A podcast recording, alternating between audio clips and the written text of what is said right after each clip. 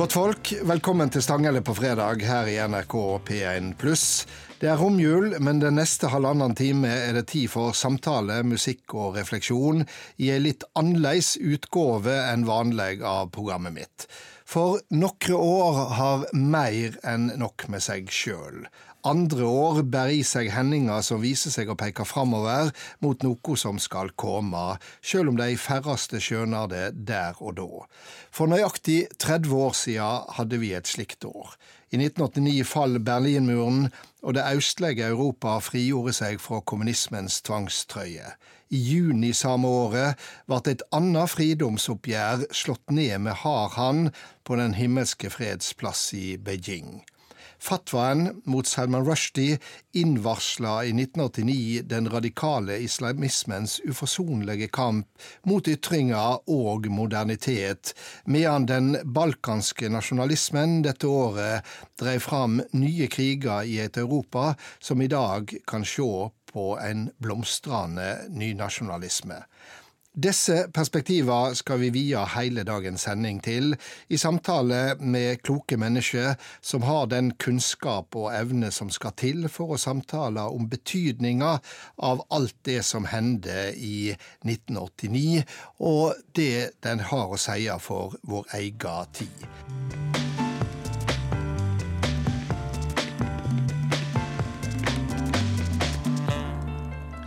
Det er altså rundt året 1989 vi samler oss i denne sendinga. Med meg i studio har jeg fire gjester som hver på sitt vis har et spesielt forhold til dette året, og spesiell innsikt i konsekvensene av det som skjedde.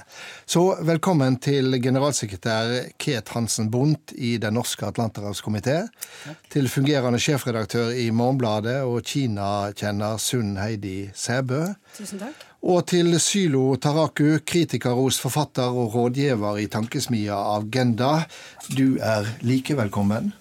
Takk for det. Og det gjelder også historikeren Trond Gram, som i dag er nestleder i LOs informasjonsavdeling, men som er invitert hit til studio som forfatter av boka 1989, året som endret verden.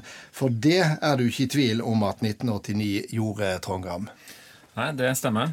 Eh, det er jo sånn at Menneskesinnet er bygd opp sånn at eh, man eh, sorterer historien etter årstall. Og jeg tror mange av lytterne sikkert vil ikke gjenkjenne både til 1814 og 1905 og 1945 som sentrale år i norsk historie, som har prega ettertida. Og på samme måte så vil jeg si at 1989 har prega ettertida i de 30 årene som har gått siden det året. Du nevnte jo sjøl både Berlinmurens fall og fatwaen mot Rushdie. Og du nevnte også eh, opprøret på Den himmelske freds plass. Hver for seg og samla så har de på et eller annet vis vil jeg si, prega eh, vår nære samtidshistorie. La oss begynne med værsdramatikk, som også på en svært direkte måte råker oss her hjemme. Og spesielt én mann, forleggeren William Nygaard, som gav ut sataniske vers i norsk språkdrakt. Foreløpig vet politiet ingenting om drapsforsøket på forlagssjef William Nygaard. Det er opplyst fra sykehuset at tilstanden til forlagssjefen er alvorlig, men det skal ikke være fare for livet. Informasjonskonsulent Jørn Christian Jørgensen ved Oslo politikammer, hva gjør politiet nå for å finne fram til drapsmenn, eventuelt motivet for attentatet mot forlagssjefen, som politiet har kalt det?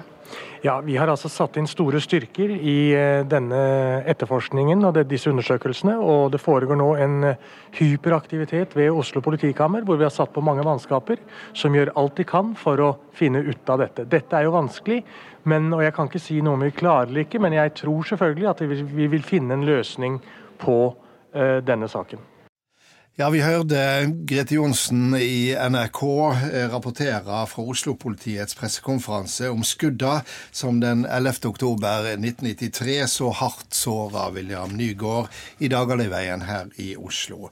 Men det begynte i 1989 med utgivinga av den britiske forfatteren Salman Rushdies sataniske vers, og den vekte enorme reaksjoner, eh, Trond Gram. Eh, det stemmer. Og bare det at dere spiller av et klipp som da ble fra, fra 1993 tyder jo på at denne saken fikk konsekvenser i mange år framover. Det starta jo et knapt halvår før 1989 også, i høsten 1988, da Salman Rushdie ga ut sin bok 'Sataniske vers' i Storbritannia. Eh, dette eh, ga ikke så mye gjenklang for så vidt i Storbritannia de første par ukene, eh, men derimot så ble den veldig raskt forbudt i India og i Pakistan, hvor den vekte mye motstand. Mye av grunnen til det var at Rushdie hadde en del beskrivelser av profeten Mohammed, og han utfordra en del bokstavtro muslimer sin oppfatning av, av Koranen. Eh, og dette eh, spredde seg så eh, fra India og, videre til Storbritannia, hvor britiske muslimske grupper forsøkte å få boka forbudt eh, på nyåret 1989. og hvordan gikk de fram? Det var demonstrasjoner? Ja, altså De gikk fram på flere måter. Eh, var, først så ble det gjort et forsøk på å få boka forbudt. Eh, de mente at den var blasfemisk, men britisk blasfemilov den eh, skilte ganske tydelig mellom den britiske angelsaksiske kristendommen og andre religioner. Så den favna, den favna altså ikke eh, islam. Ah, ja, så det var forbudt å Eh, drive blasfemisk virksomhet overfor den, den anglikanske trua, men ikke nødvendigvis eh, overfor eh, hinduisme eller islamis, islam. Stemmer. Britiske muslimske grupper gikk først til britiske advokater for å, for å gå rettens vei, men de ble sterkt advart mot det. Og da tok de skal si, til gatene, eller altså brukte altså andre metoder. Og, og, man kan si at opprøret i Storbritannia starta i, i, i byer med en betydelig muslimsk minoritet, Bolton og Bradford, eh, hvor det ble demonstrasjoner og bokbrenning som eh, jo åpenbart vekte oppsikt. Eh, og så er det ikke en umiddelbar sammenheng mellom det at man brent, brant bøker i, i, Storbritannia, og at boka ble, ble gjenstand for fatwaen fra den iranske religiøse lederen Ayatollah Khomeini. Men det skjedde altså. og 14 14.2.1989 så fikk Salman Rushdie en dødsdom over seg, som eh, kom til å prege hans liv i ganske mange år fremover. Var det en vanlig måte å reagere i tilsvarende tilfelle som dette, Sylo Taraku? Nei, ja, absolutt ikke. Absolutt ikke. Fatwaen kom en måned etter demonstrasjonen i Bradford, der man eh, brente Eh, Rushdies eh, bok, og det var helt uhørt at en statsleder eh, å avsi dødsdom over en, en borger av et, la, et annet land. Eh, og så, så, er det for forskjellige motiver kanskje bak det. Eh, både eh, innenrikspolitiske motiver til Khomeini, men kanskje også utenrikspolitiske. Det at han ønsket å fremstå som en muslimsk leder som forsvarer islams ære eh, og muslimenes interesser ute. Eh, og fatwaen eh, satte i gang en, en, identitetspolitikk blant muslimer som har vært veldig ødeleggende for integrering og for forholdet mellom muslimer og, og Vesten siden den gang. Eh, Khomeini hadde jo nettopp gått eh, kanskje ikke godt si verken seirende eller tapende ut av en, en ni år lang krig med eller åtte år lang krig med, med nabolandet Irak. Eh, og det hadde åpenbart svekka han innenrikspolitisk, så eh, han, han, gjorde det her også for å for å markere seg opp mot sunnimuslimske Saudi-Arabia f.eks. og andre sterke muslimske land. Og Samtidig så vet vi jo at eh, i gåsehøyne slo an eh, og spilte på en del strenger som gjorde at dette vekte sterke reaksjoner i svært mange land. Også her i Oslo så var det jo demonstrasjonstog mot boka 'Sataniske vers'. og Det er mulig jeg tar feil, men jeg tror at det var den første sånne reine eh, demonstrasjonen der bare eh, muslimer deltok i Norge. Ja, det stemmer. Det var 26 muslimske organisasjoner som lagde eh, Islamsk forsvarsråd, tror jeg det het. Og det er forløperen til Islamsk råd Norge i dag, og som demonstrerte mot eh, det man kalte for eh, Satan Rushdie. Eh, så, så, den saken eh, mobiliserte muslimer eh, rundt om i, i Europa også. og og det, det, skjedde et slags eh, hvordan skal jeg si, stemningsskifte også i integreringsdebatten. For muslimene ble jo sett som gode eksempler på på innvandrere som integrerer seg. F.eks. i Storbritannia så var man mer eh, bekymret over karibiske innvandrere enn en muslimske innvandrere. Eh, de kom som arbeidsinnvandrere, de jobbet, og, og, og det var ikke noen noe problemer. Men så skjedde denne saken som avslørte et stort, hvordan skal jeg si, en stor eh, verdikonflikt. da, Fordi denne saken ble en slags kulturkrig mellom Vesten og, og islam. Og det har vi jo virkelig sett mer til seinere, og det vil jeg gjerne eh, snakke om eh, også om, om, om, kort tid. Men først, før vi forlater akkurat fatwaen, for den fikk jo konsekvenser for eh, flere enn en, en Salman Rushdie. Ja, altså eh, jeg tror ikke det er alle som har Jeg tror ikke folk har helt oversikt over hvor mange som faktisk eh, for det første mista livet som en følge av, av ulike eh, demonstrasjoner mot, eh, mot eh, sataniske vers. I, I, Tyrkia så var det vel 36 eller 37 eh, mennesker som brant inne i et hotell, f.eks. Når demonstranter var på jakt etter den, den tyrkiske oversetteren av sataniske vers. vi husker jo mange av oss sikkert William Nygaard, som ble spilt av her i sted. Eh, men det var jo ikke bare for, for enkeltpersonene dette fikk, eh, fikk, konsekvenser. Det, jo, det, fikk jo konsekvenser også for de diplomatiske forbindelsene for eksempel, mellom mange eh, europeiske land og Iran. Eh, og, og, man kan jo man ser på en måte en, en, en, en rød tråd da, fra uh, Rushdie-striden og framover mot uh, karikaturstriden i uh, 2005-2006 og videre til en ganske tragiske angrepet på Charlie Hebdo i det franske satiremagasinet i 2015, hvor alle sammen reagerer på beskrivelser av profeten Mohammed. Og Samtidig så eh, vet vi jo nå fra etterforskninga av attentatet mot William Nygaard at Oslo-politiet var nokså i villrede og egentlig eh, ikke hadde noe særlig lyst til å tro på eh, det at dette hadde sammenheng med, med noe så religiøst ideologisk, for å bruke det uttrykket, som eh, Khomeinis fatwa. Nettopp, og Det er jo også illustrerende på situasjonen at politiet ikke så den åpenbare sammenhengen med Rushdie-saken, og brukte masse ressurser og mye tid på helt andre eh, teorier. Eh, fordi man, man forsto ikke helt hva man sto overfor. Man, man forsto ikke den radikale islamismen. og, eh, og så ikke dette i en, i en mer internasjonal sammenheng. Men, eh, man trengte gravejournalister for å, for å komme i, på riktig spor. Ja, men langt mange år seinere. Ja, ja. langt. Og, og, jeg har lyst til å spørre deg, Kret Hansen Bundt. Er det, er det riktig å si at det som skjedde rundt fatwaen i 1989 det tok ganske mange år før eh, vi i de vestlige land så hvor djupt dette stakk. Det tror jeg du har rett i. Og hvis man tenker tilbake på den kalde krigen, altså de under 50 år i dag klarer ikke helt å forestille seg det ideologiske spenningfeltet på 80-tallet. Religion hadde Nå er vi liksom... så heldige at vi snakker til opptil flere over 50. Ja, ikke sant? Men religion hadde på en måte ikke den, spilte ikke den rollen under den kalde krigen.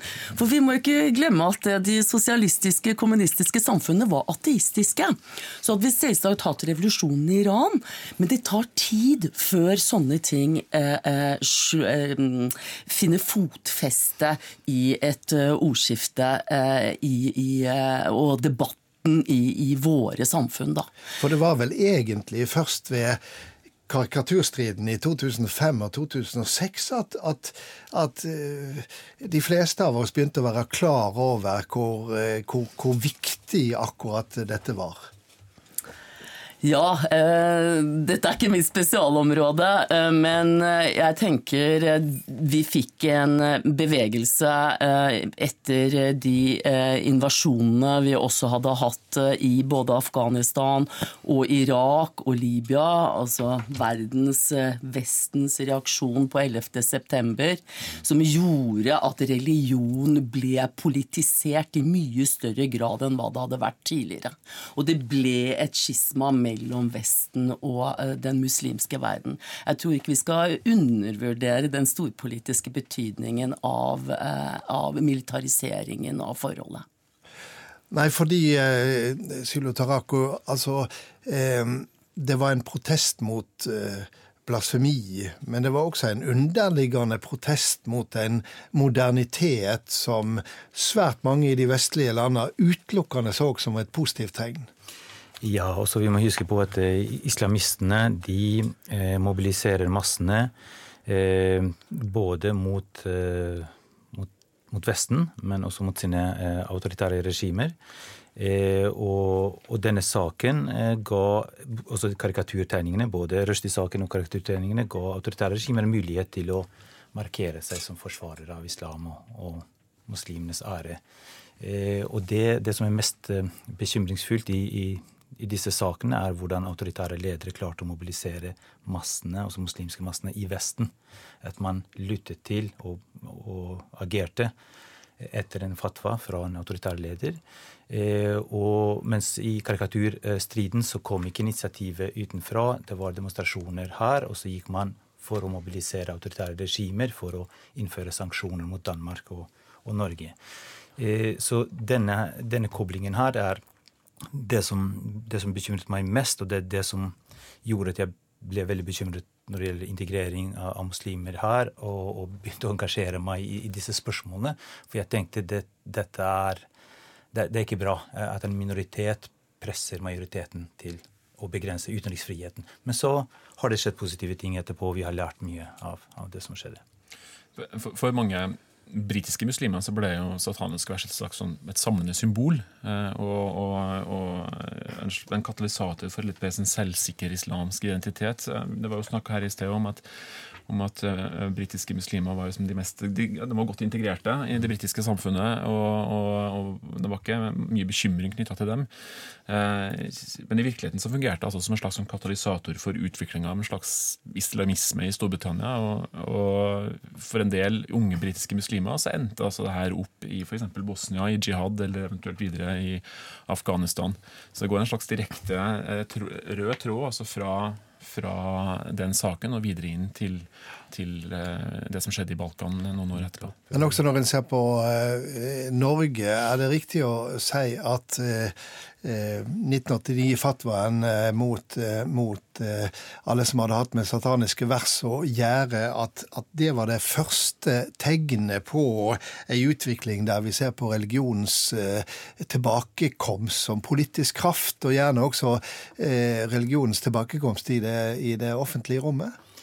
Eh, det kan man si, for eh, i nordiske sekulære samfunn så er man ikke vant til den type politisering av, av religionen. Eh, så man kan si det, det, var, en, det var en slags vekker. Men så det, Denne saken bidro til å styrke de radikale, fundamentalistiske kreftene blant muslimene. Altså Først og fremst i Storbritannia, hvor de hadde sin base. Kan, og Det er jo et paradoks at man følte seg friere som islamist og radikal liksom, muslim i, i, Storbritannia enn mange andre steder i, den muslimske verden.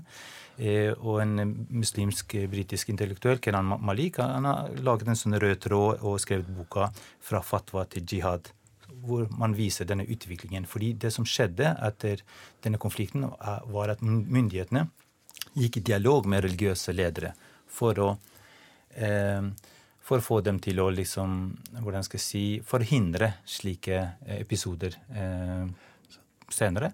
Og det gjorde at man styrket dem, istedenfor å gå i dialog med mer moderate og sekulære krefter. Og Sånn sett så går det ei rett linje fra eh, fatwaen og til det som er et av de toneangivende problemene i svært mange vestlige land i dag.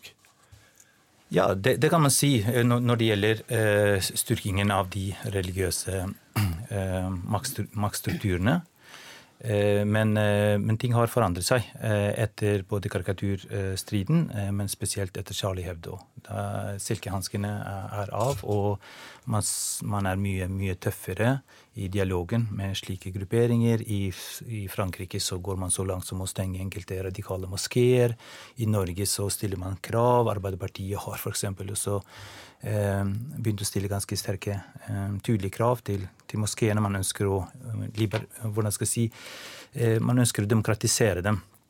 Og selv er jeg opptatt av at, at man bryter en del bånd man har til autoritære islamistiske bevegelser i hjemlandet. For husk at de arbeidsinnvandrere som kom på 70-tallet. De opprettet moskeer.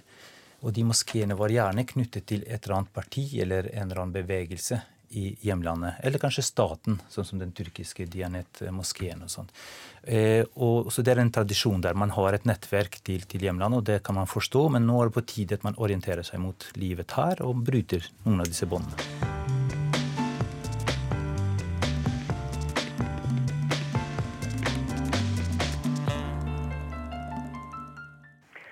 Skjedd, er at for en halv time siden så rykket uh, Folkets frigjøringshær, som det heter, den kinesiske hæren, inn på Den himmelske freds plass.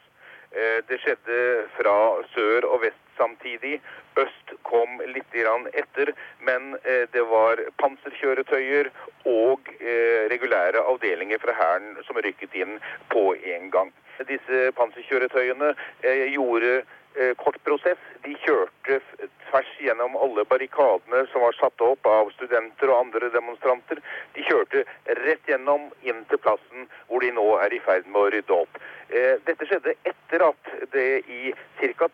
halv time her har pågått kontinuerlig skyting eh, vest for Den himmelske fredsplass på den lange Fredens aveny. Ja, Det var NRKs eh, korrespondent Fritz Nilsen som rapporterte fra Beijing i junidagene 1989.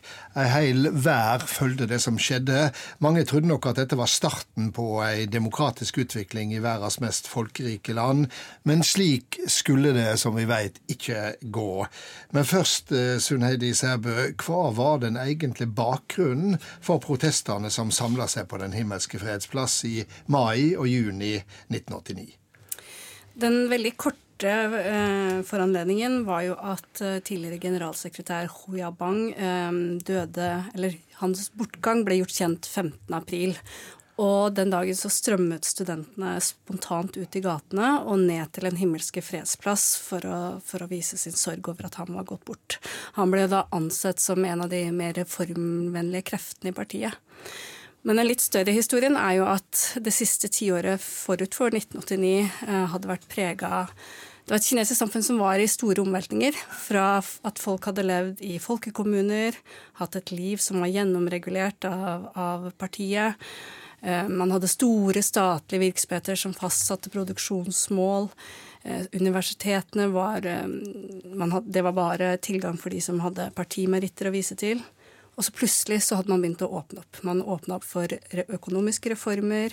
Eh, folk skulle produsere maten som dyrker selv. Eh, og ikke minst så hadde da det at man gjenåpna universitetene, gjort det at uh, ideer og samtalen var i gang. Det handlet ikke lenger om Mao og propaganda, men man fikk impulser utenfra.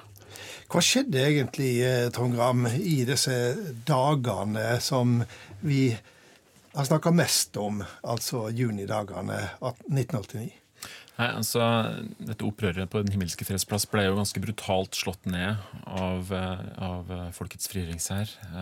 4. Eh, juni var det vel, ikke sant? 1989. Mm. Etter at de hadde okkupert Den himmelske fredsplass i godt og vel en måned. Og mer enn det, vel også. Ja det, hadde jo, og det hadde vært en ganske, en ganske profilert eh, eh demonstrasjonsbølge. Eh, Mikhail Gorbatsjov var på besøk i Beijing i 15. mai eh, 1989. Med seg på slep så hadde han jo et enormt presse, eh, presseoppbud. Og det var vel 30 år siden da sist en sovjetisk leder hadde besøkt eh, Beijing? Det stemmer. så det var jo et symboltungt besøk, og for Deng Xiaoping så var det nok en ganske stor Eh, ganske stor, stort personlig nederlag, at Den himmelske fredsplass, som hadde en så eh, eh, markant og, og, betydelig posisjon i kinesisk historie, var okkupert av flere hundre tusen studenter. De måtte jo flytte selve mottagelsen til flyplassen. fordi at liksom, Det at Beijings storstue var okkupert av studenter, var jo selvfølgelig et, et ekstremt nederlag. Og så hører du med da til historien av alle de vendepunktene som var, ble en katalysator for at det endte i en massakre, var jo det at i og med at Gorbatsjov kom på besøk, så gikk eh, demonstrantene til sultestreik. Og det var jo med på å radikalisere hele prosessen, egentlig. Men det med Gorbatsjov, eh, altså han hadde jo da åpna opp for glasnost, perestrojka, som leder for det sovjetiske kommunistpartiet. I Kina så så du ei annen type utvikling, og det ble ikke noe smitteeffekt fra Gorbatsjov eh, og videre.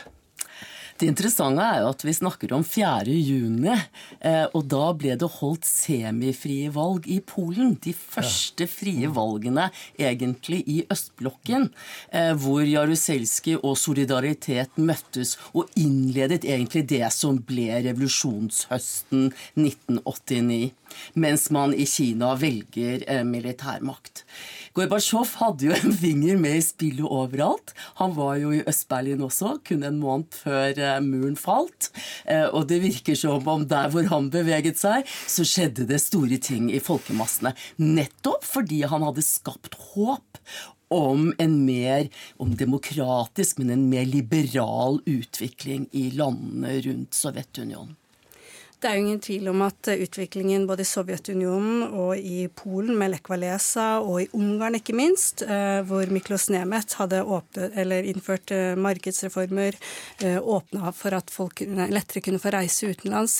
Han hadde et blikk på dette, sånn at i den maktkampen som pågikk i kommunistpartiet, så valgte da Deng Xiaoping sammen med statsminister Li Peng å gå for den harde, ikke-forsonlige linjen.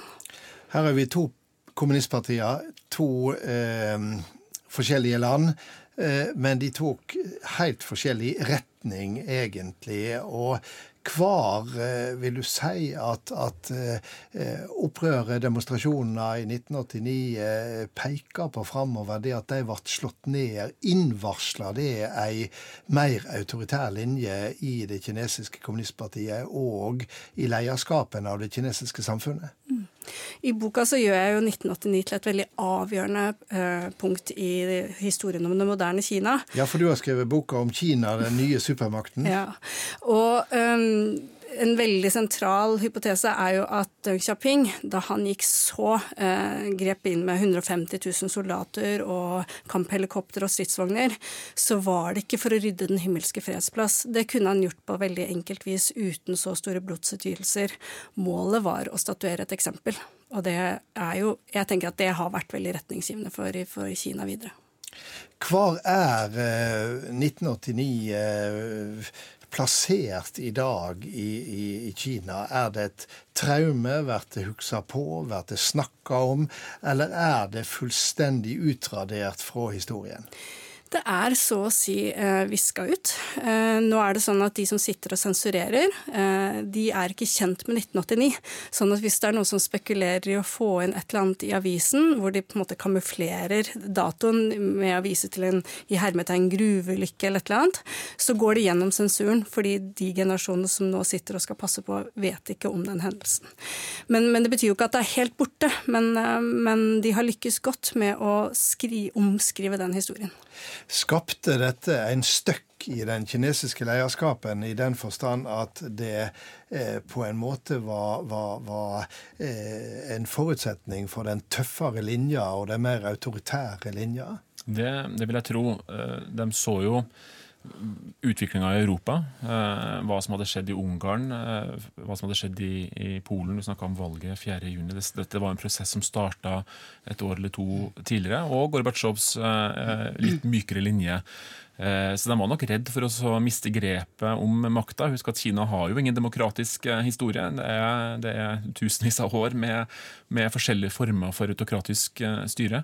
Og, og jeg vil nok tro at, at kommunistpartiet frykta for sin egen maktposisjon. Hva står Kina i dag, hvis du trekker linjene fra 89 og fremover?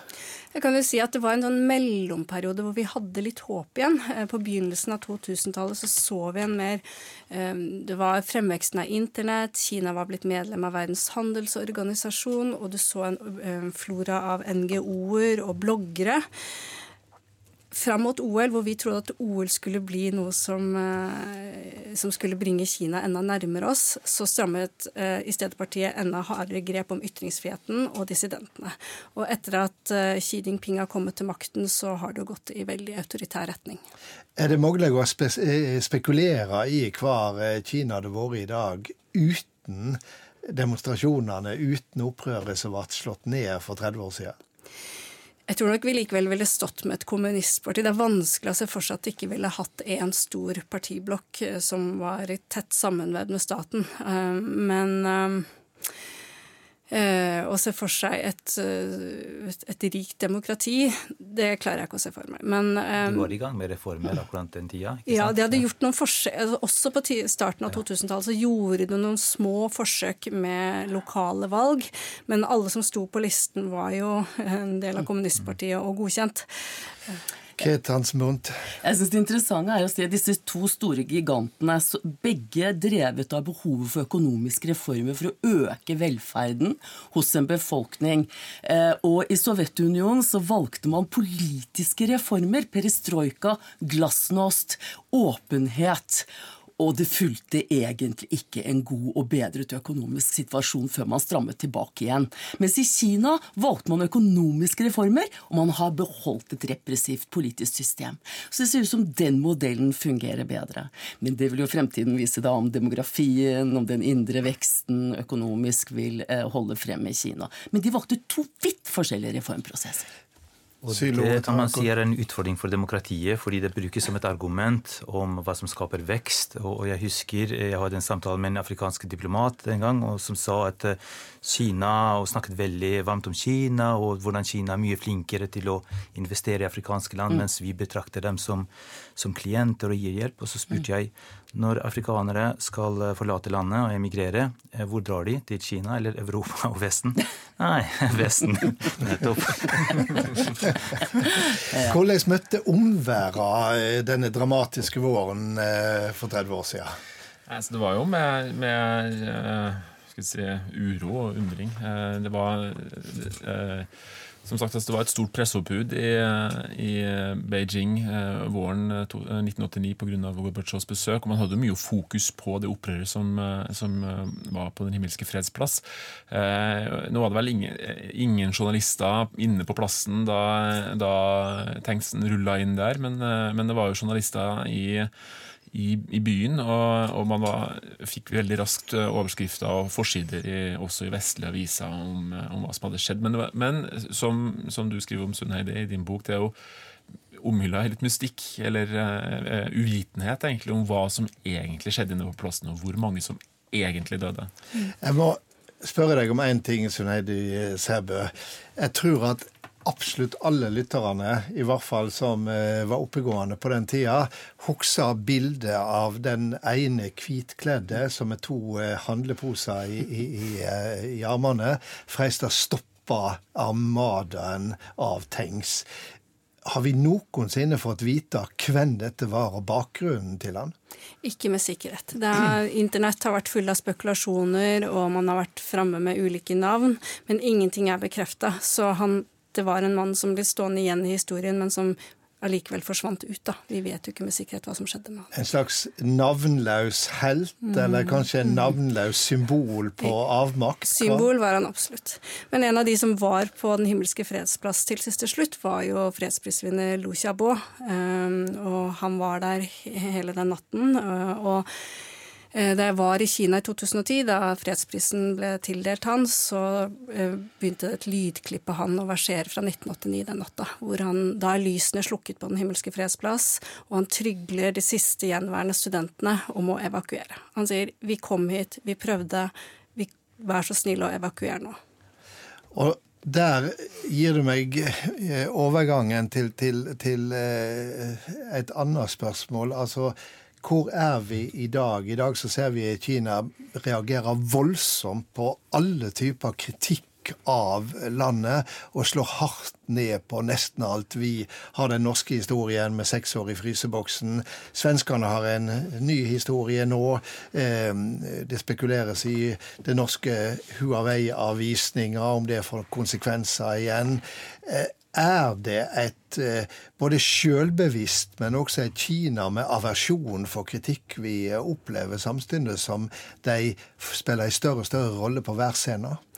De opptrer vel omtrent sånn som alle stormakter til enhver tid har hatt en tendens til. Eh, man har økonomisk tyngde og militær makt til å legge bak sine krav.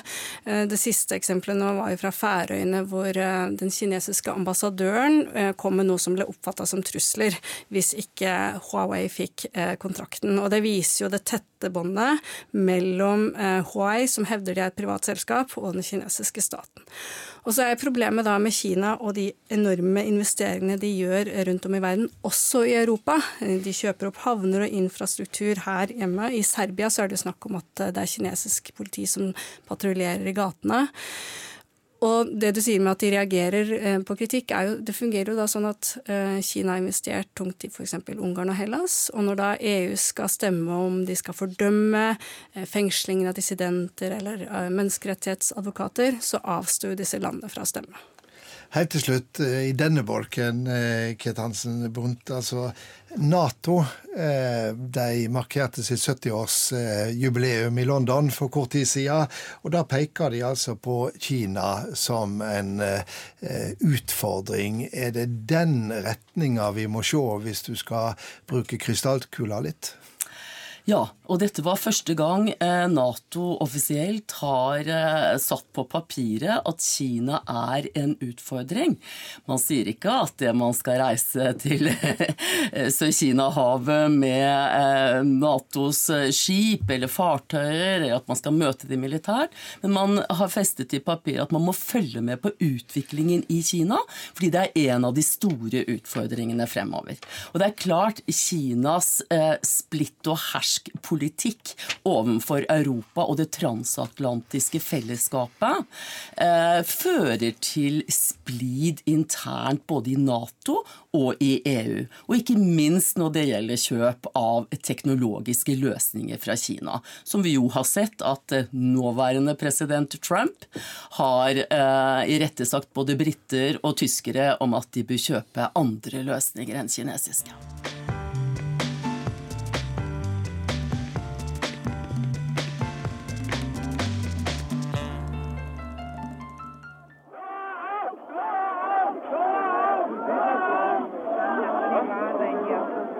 Med porten, opp med porten, ropte menneskemengda til de østtyske grensevaktene her i Øst-Berlin i natt. Hundrevis av mennesker strømte like før midnatt til grenseovergangen i Bornholmer Strasse, en av de åtte grenseovergangene mellom Øst- og Vest-Berlin.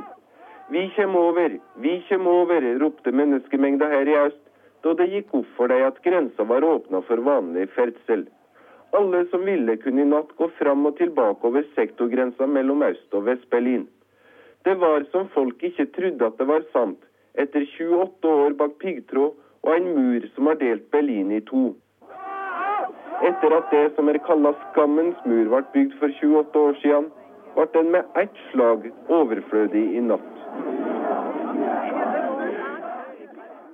Ja, Her kom et gjenhør med en av NRKs eh, Jon Røssums mange rapporter fra Berlin. Disse eventyrlige dagene for drygt 30 år siden da Berlinmuren fall. Og eh, som den eneste her i studio, så var du eh, i Berlin eh, på denne tida, Ket Hansen Bundt? Det var jeg. Eh, jeg var ikke der 9.11, for da hadde jeg reist eh, hjem. Jeg dro den dagen Erik Honecker, den sterke mannen i DDR, måtte gå av som sjef for politbyrå. Han stemte i kommunistisk eh, gammel vane for sin egen avgang. Men jeg var der store deler av høsten fordi jeg hadde en kjæreste som hadde sittet i et østtysk fengsel fordi han prøvde å flykte fra det der før noen av de bevegelsene som skjedde i 1989 startet. Så han var kjøpt fri av vesttyske myndigheter. De hadde jo denne type interntysk menneskehandel, hvor man solgte politiske fanger for konvertibel valuta, så det østtyske regimet kunne handle på verdensmarkedet. Det er ganske pussig å høre om akkurat eh, det der, at du hadde den type rett og slett menneskehandel, politisk menneskehandel. Det hadde man, og det var egentlig åpnet av Willy Brandt. Eh, som 329 dager etter at muren falt, 3. oktober 1990, når Tyskland endelig ble gjenforenet, sto foran muren og sa eh, nå vokser sammen det som hører sammen. For han hadde åpnet opp for lettelser mellom den østtyske og den vesttyske befolkningen som del av sin østpolitikk på begynnelsen av 70-tallet. Og det innebar at man kunne kjøpe fri politiske fanger. Jeg er jo nødt til å, uh, til å pirre min egen nysgjerrighet og spørre fikk du kjæresten din med deg til Norge? Ja, det gjorde jeg. Han bor fortsatt i Norge 30 år eh, senere og er far til mine to barn. Eh, men eh, det var jo dramatiske dager eh, denne høsten. Man befant seg Vi har snakket om militære løsninger i Beijing. Eh, vi som befant oss i Øst-Berlin i september og oktober Eller i Vest-Berlin i september og oktober 1989 ventet vel egentlig på russiske larveføtter. Vi visste ikke hvor langt Som i Ungarn, som i Tsjekkoslovakia eh, Noen tiår tidligere. Noen tidligere, ti år tidligere ja. Fordi man visste ikke om eh, sovjetrusserne kom til å reagere. Det var jo to bevegelser som startet dette. Det var masseflukten over Ungarn og da Tsjekkoslovakia, noe som avstedkom at eh, østtyskerne stengte grensen til Tsjekkoslovakia 4. oktober, så da var det der helt hermetisk lukket.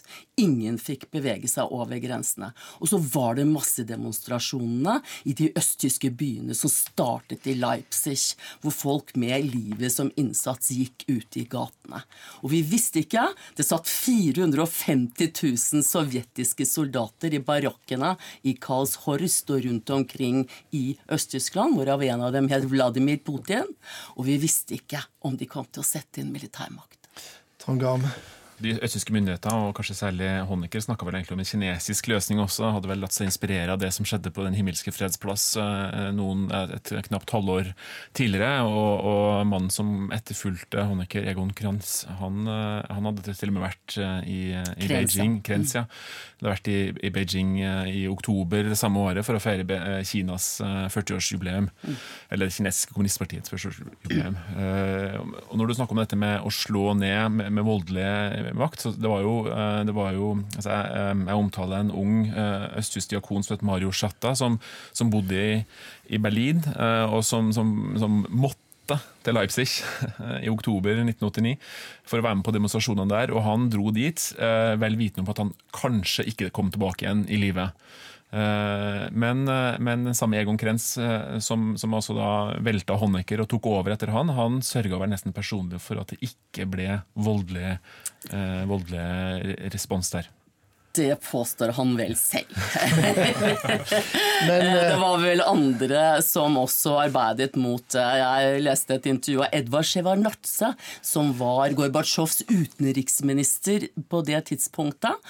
Og han sa at man hadde hatt dette oppe i politbyrået, eh, hvor hardlinerne eh, i Moskva ønsket å bruke militærmakt, mens Gorbatsjov skal ha skreket til dem vil dere ha tredje verdenskrig, så skal dere få den. Og så holdt de seg i ro. Det er jo mye vi snakker om i vår nære og fjerne samtid som eh, er store ting for oss, men som vi nok veit vil bli parenteser i historiebøkene om 100 år. Men av de tingene som nok ikke blir det, det er vel akkurat det som skjedde i 1989 og, og like etterpå. Jeg tenker da faktisk at et av verdenshistorias store imperier, nemlig Sovjetimperiet, mm. det praktisk talt falt sammen framfor øynene våre uten eh, at det kosta menneskeliv. Nesten ikke i det hele tatt. Det er stort, hvis du tenker tilbake på det. Det er stort. Det kostet én diktator livet, og det var Ceaucescu i Romania, hvor man fikk en mer voldelig utvikling. Men ellers så falt jo liksom den kalde krigens største motstander, verdens kanskje største atomvåpenmakt, fra hverandre uten at det ble løstet noe skudd mellom motstanderne i den kalde krigen. Eh, det har vært vanskelig for etterfølgerstaten Russland uh, utover på uh, 1990-tallet, og ikke minst i dag, hvor Vladimir Putin, som var KGB-ansvarlig i Dresen året 1989, nå har sittet som president i 20 år, og jo er av den meningen at dette imperiets oppløsning var en av de største, eller var den største geopolitiske uh, utfordringen i forrige århundre. Og han har jo flere geopolitiske endringer vel, å velge av. Han mener vel det var en katastrofe? En katastrofe, mente han. Suneidi Sæbø? Jeg bare tenkte Det er noe med disse sterke mennene da, som disse systemene responderer på, eller som går bra sammen. Eh, mm. I Kina så prøvde man jo en nedbygging av at uh, man skulle ha en stor leder, sånn at man hadde noen år med Hu Jintao og Wen Jiabao som var veldig anonyme og byråkratiske. Eh, og det var en sånn vits, på en måte, Who's who eh, var jo sånn Ja, hvem er nå det? Mm. Og så kommer da Xi Jinping, som jo også, har en helt anonym karriere. Han har veldig lite å vise til før han da kommer til makten. Eh, men som da har gått for en sånn gjenoppbygging av den personkulten. Eh, nå er det han som dominerer avisforsidene, og som bygges, fremstilles som den store lederen. Og Samtidig så ser en jo at det som skjedde den gangen i 89, det, det, det gav et grunnlag for et nytt Europa. Det dukka opp en rekke nye stater, nye styresett. Eh, hvordan ser det ut, det ut ifra din ståsted, Sylo Taraku? Også, det skjedde en gjenforening av ikke bare av Berlin, men også av Europa. Eh, man, altså Østeuropeiske land eh, søkte seg mot Vest-Europa. De ønsket å være sammen med vinnerne av den kalde krigen.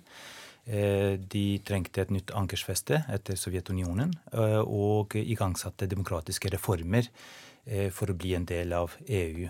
Så den største bragden fra EUs side er etter min mening demokratiseringen av Øst-Europa etter Berlinmurens fall. Fordi det som skjedde før, med forsoningen mellom Frankrike og Eh, og Tyskland og sånt, og, den stabiliteten man hadde. Eh, egentlig kan man si at Nato hadde mye, en stor del av æren for det, og det var en terrorbalanse som, som var kontrollert av eh, Sovjetunionen og, og USA, som, som, var de største spillerne.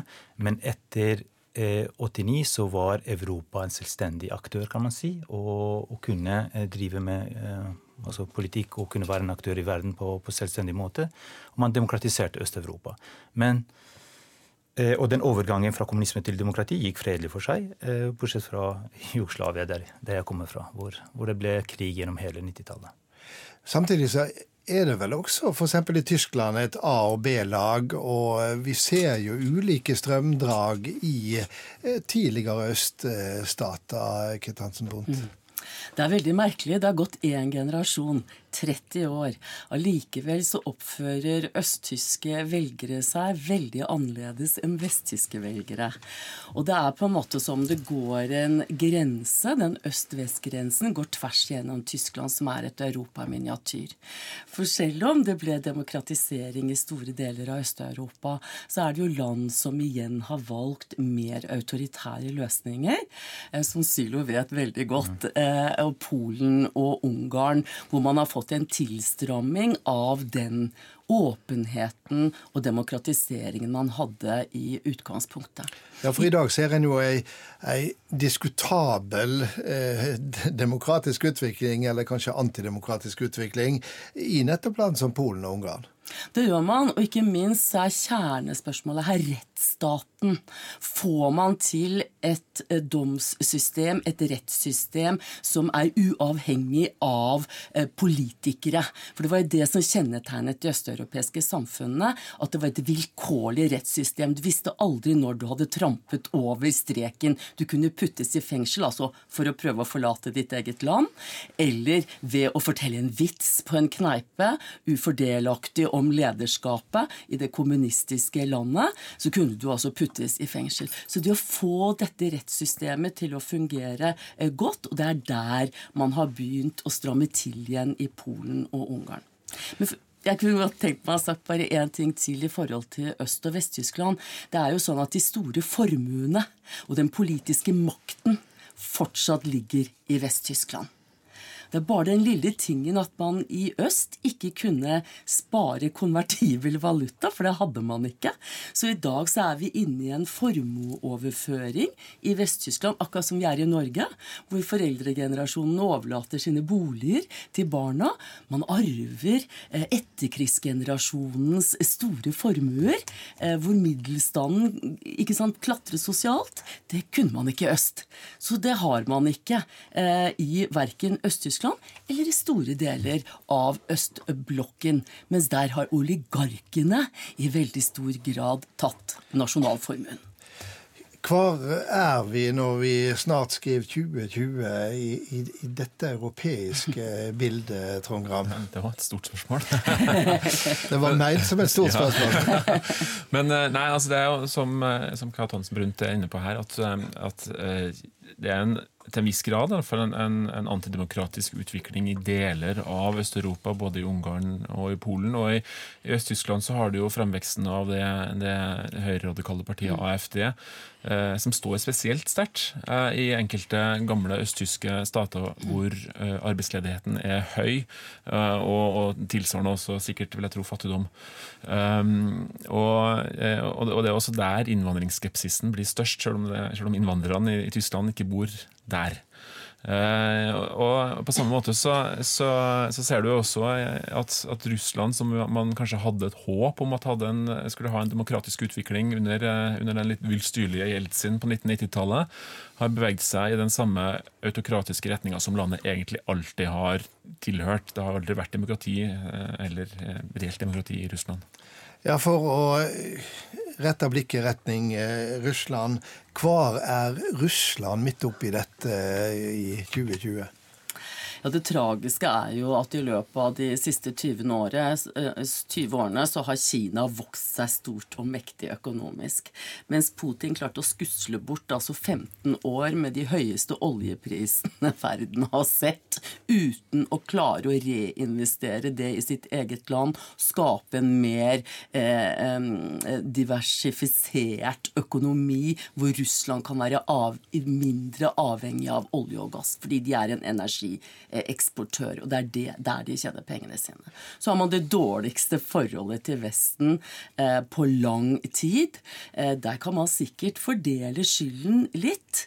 Eh, men eh, skal man tilnærme seg Russland Det bør jo både Europa og USA gjøre for et håndtertbart forhold til Russland. Spørsmålet er under hvilke betingelser og hva man kan kreve av Russland når man skal forholde seg til folkeretten, blant annet.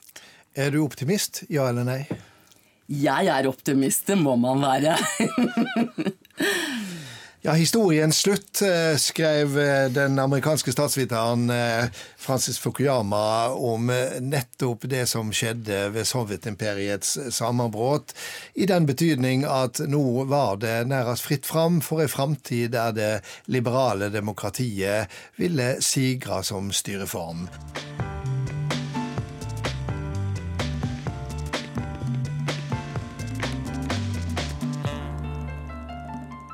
Uroa i Kosovo-byene har auka dag for dag, og i går altså med resultatet at to politimenn ble drepne. Tusenvis av albanske demonstranter ble møtt med tåregass og skarpe skudd, og de serbiske styremaktene sender stadig mer politi inn i området. Men kan det hjelpe, Dag Halvorsen? Eh, nei, Jeg er redd for at det kan eh, oppstå noe i retning av en eh, partisankrig i Kosovo. Albanerne kan jo også opptre meget aggressivt. Eh, blodhevnen har tradisjon i dette folket. Eh, og selv om serberne kanskje får den rent ytre kontrollen, tror jeg vi må regne med grusomheter fra begge sider i en lengre periode. Ja, vi hørte Gunnar Myklebust i studio her i Oslo snakke med NRKs utsendte medarbeider Dag Halvorsen. For mitt siste stikkord for denne lange samtalen om arven fra 1989 er nasjonalisme. Vi ser den er i vekst i dagens Europa, men eh, kanskje det er rett å si at vi fikk et forvarsel i det som skjedde i Jugoslavia i 1989 og utover 90-tallet. Der ble kommunismen erstatta med demokrati, eller freist erstatta med demokrati. men måtte gi tapt etter hvert for nasjonalisme, splittelse og krig, og ingen i dette studioet nærere til å snakke om det, forfatter og agendarådgiver Sylo Taraku, for du opplevde dette svært så nært. Ja, det kan man si, for jeg deltok i de demonstrasjonene som eh, det ble snakket om eh, i innslaget. Eh, men vi var ikke aggressive i det hele tatt. Vi ropte slagord om demokrati og, og om våre rettigheter. For Milosevic han opphevet Kosovos autonomi. Så var det en del syltestreik rundt omkring, og så ble det demonstrasjoner. Eh, uten at jeg visste hva demokrati var for noe, men jeg hørte det ordet eh, den gangen. Og min far, som var fagforeningsleder, ble eh, sparket ut av partiet fordi han var delaktig i demonstrasjoner. Han tok det veldig tungt. Hva var bakgrunnen for at du engasjerte deg?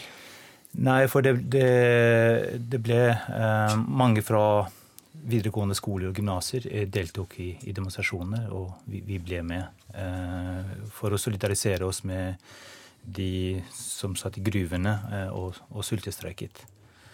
Så det var en solidaritetsaksjon på en måte like mye som det var en selvstendig aksjon?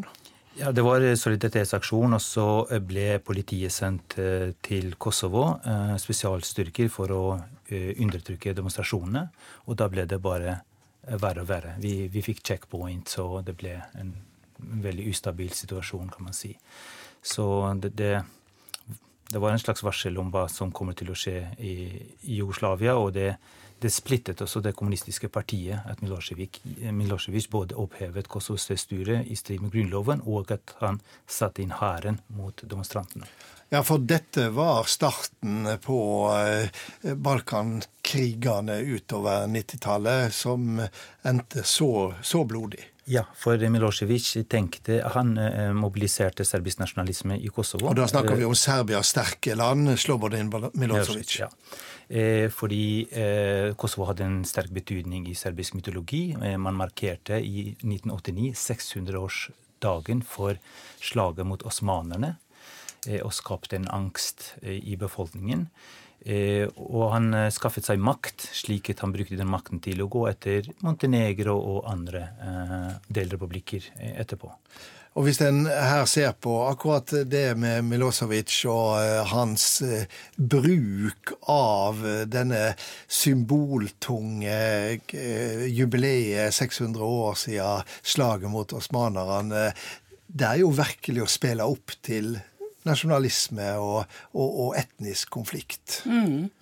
Og jeg tenker Det er liksom to former for nasjonalisme som vi har sett de siste 30 årene. Det var dette som startet der, som er den etnonasjonalismen, eh, hvor man til slutt endte opp med etnisk utrensning. Noen var bedre enn andre. Og her har vi igjen en religion som spiller inn også i eh, eh krigen i Jugoslavia, hvor Serbia jo var gresk-ortodoks, og mange av de andre, eh, bl.a. Eh, Kosovo og Albania, eh, hadde en muslimsk befolkning.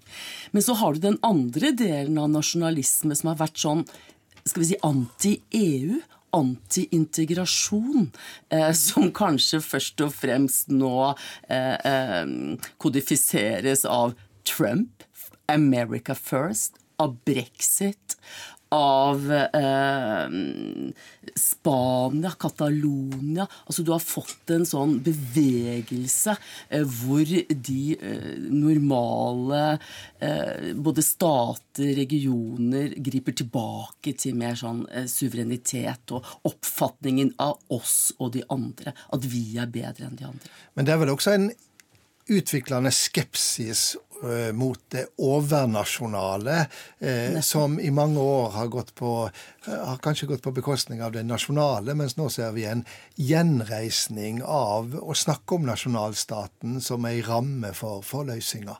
Nettopp. Og 1989 ble jo anstøtspunktet til eh, Man endte opp i Maastricht-traktaten, de store prosjektene med en felles valuta. Man skulle med tiden få et felles forsvar. Man skulle få en felles indrepolitikk. Noe som Helmut Kohl og Mitterrand brakte Europa frem til. Og så hadde man 90-tallet hvor dette skulle virkeliggjøres, samtidig som det raste en krig på eh, Balkan. Eh, men så har man fått et tilbakeslag slag, hvor statene ønsker å ta tilbake noe av suvereniteten og makten over hvem som befinner seg på innsiden av eh, egne grenser, noe som ikke minst ble eh, Pga. flyktningekrisen ble det veldig aktuelt. Og kanskje også mer av den indrepolitiske utviklingen. Så det er liksom to grener av nasjonalisme. Eh, det er jeg enig i. Eh, og man kan si at den ene grenen som handler om suverenitet, statssuverenitet og hva som skal være nasjonalstatens rolle i, i en globalisert tid, eh, der kan du også ha venstresiden. ikke sant? Mm. Men det som skiller venstresiden fra høyresidens nasjonalisme, er at den fokuserer bare på den ene ja. dimensjonen av nasjonalismen, ikke på den andre som har med etnonasjonalisme å gjøre. Det, og, det også preger dagens situasjon, fordi Eh, samfunnet i Vest-Europa blir mer og mer multietniske.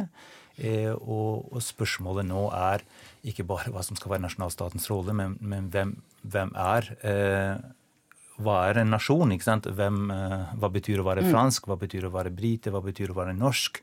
Og Det pågår slike diskusjoner som, et, som nasjonalister utnytter og, og driver identitetspolitikk på. Eh, men så har vi sett en klar skille mellom Øst-Europa og Vest-Europa også i forhold til dette. I Øst-Europa står nasjonalismen sterkere fordi den ble forbundet med frigjøring fra Sovjetunionen, mm. mens vi forbinder nasjonalisme med eh, fascisme og, og, og nazisme. og mm. Eh, vi ser på de negative sidene av nasjonalismen. Er det riktig å si eh, Trond Gram, at, at, nasjonalismen ble på en måte holdt nede i det østlige Europa under den kalde krigen, altså skjult av den ideologiske ordbruken i striden mellom øst og vest? Ja, det kan man si. Eh, det interessante her er jo også at, at dette var kanskje særlig tydelig i, i Jugoslavia, hvor du kommer fra, Sula.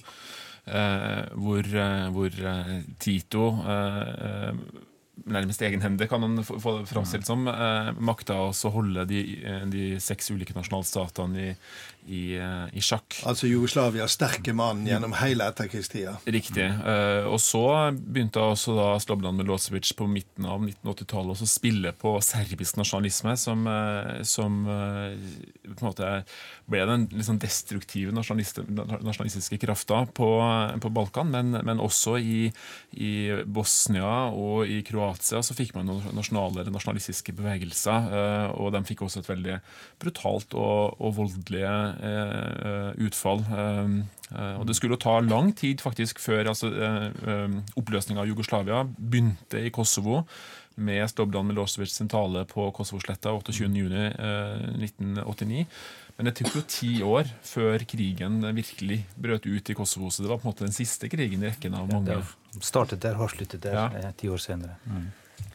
Ja, jeg tror det er veldig riktig det som blir sagt her, at uh, reisningen i 1989 i hele Øst-Europa det hadde både, det var tvetydig, det hadde i seg en agg og motstand mot det autoritære systemet, mot kommunismen, men også mot Moskva.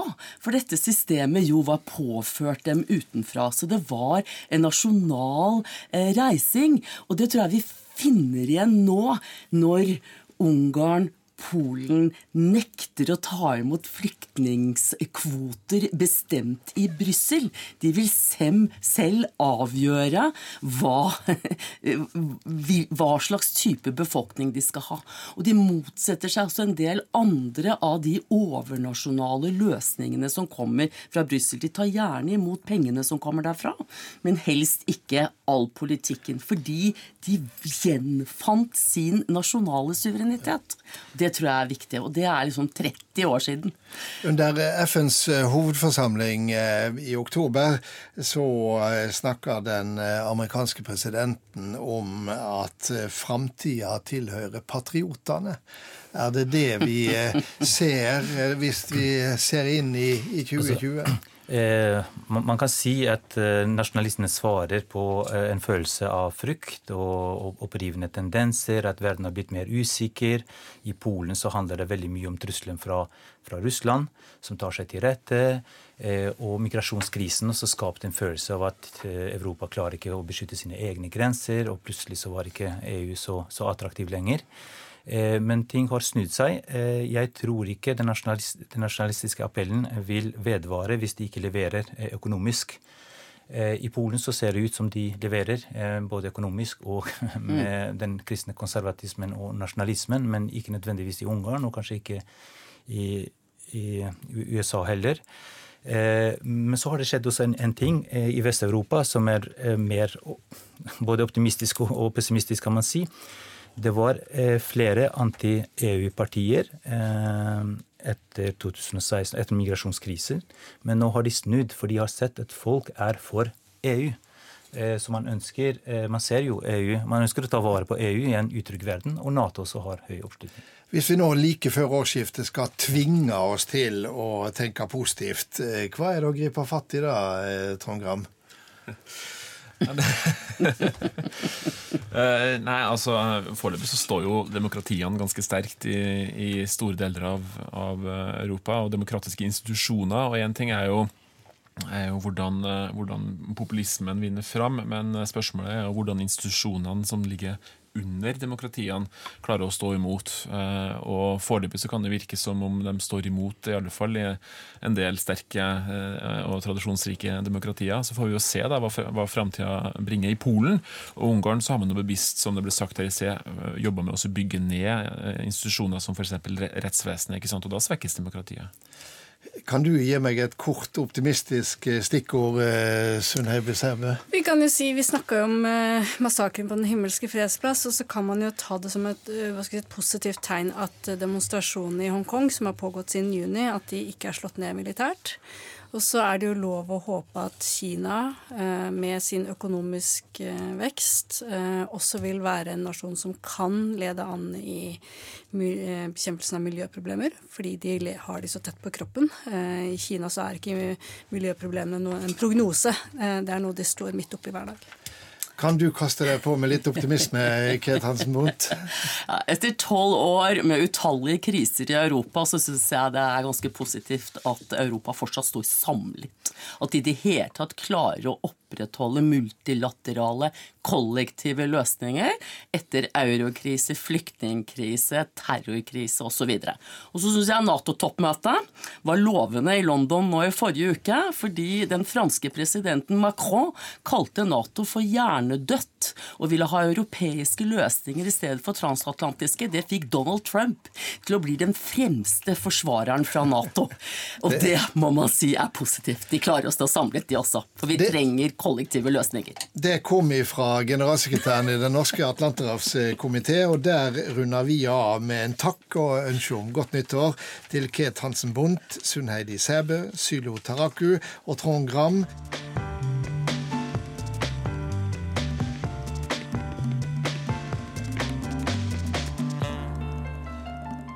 Denne sendinga har vært vigd til et eneste år, 1989 fordi det i dette året for nøyaktig tre tiår siden gikk føre seg så dramatiske hendinger på værscena at det peker ut retninger for den tida vi nå lever i. Samtidig illustrerer slike tilbakeblikk at historia sjeldan tar beinvegen. Den krongler seg fram i rykk og napp på de hovedveger og sidespor som måtte være åpne for endrende krefter. Derfor kan det være vanskelig å få øye på retninga før vi kan se den i bakspeilet, og når vi står midt oppi hendingene, kan det være problematisk å skilje det som har stor betydning, fra det som har lite å si for framtida. Men eh, betydninga av 1989 kan vi i dag si noe om. Men ennå veit vi ikke om året 2016, da Donald Trump ble valgt til president og det ble flertall for brexit i folkerøystinga, vil bli stående som retningsgjevende milepæler for verden slik den vil se ut om 30 år. Vi vet heller ikke om 2019 vil bli stående som året da et jubilerende Nato peker på Kina som ei tryggingspolitisk utfordring, og slik former framtidas fiendebilde. Er det her framtidas store konflikt ligger, eller vil dette verta en historisk parentes? Vi veit det rett og slett ikke. Det vi veit, er at den digitale revolusjonen vi står midt oppe i, i stadig sterkere grad vil forme samfunnet vårt. Det kan også den økende brutaliteten av klimaet i samfunnssamtalen gjøre, om ikke sunne motkrefter makter å mobilisere på brei front. Det er ikke spesielt originalt å slå fast at vi lever i ei tid med voldsomme endringer. Vi ser disse endringene av de vi lever med dei, og tror lett at det er noe særskilt for vår tid. Det er det nok ikke. Far min var født i 1910, og trolig var det minst like store og dramatiske endringer fra han var født og til han i 1960 var 50 år, enn åra derfra og til vi om få dager kan skrive 2020. I et, et slitt perspektiv er det verdt å kaste en tanke etter, nå like før årsskiftet. Det blir fortalt at en av de kinesiske lederne av den generasjonen som var med på etableringa av Folkerepublikken for 70 år siden, ble spurt om betydninga av den franske revolusjonen i 1789. Det er det for tidlig å si noe om, var svaret. Slik er det nok i alle fall i en del tilfeller. Så er tida kommet til å si takk for følget her i NRK P1 gjennom et år som snart er historie. Vel møtt igjen, et lite stykke ut på nyåret. I mellomtida er tida inne for å ønske både god helg og godt nytt år.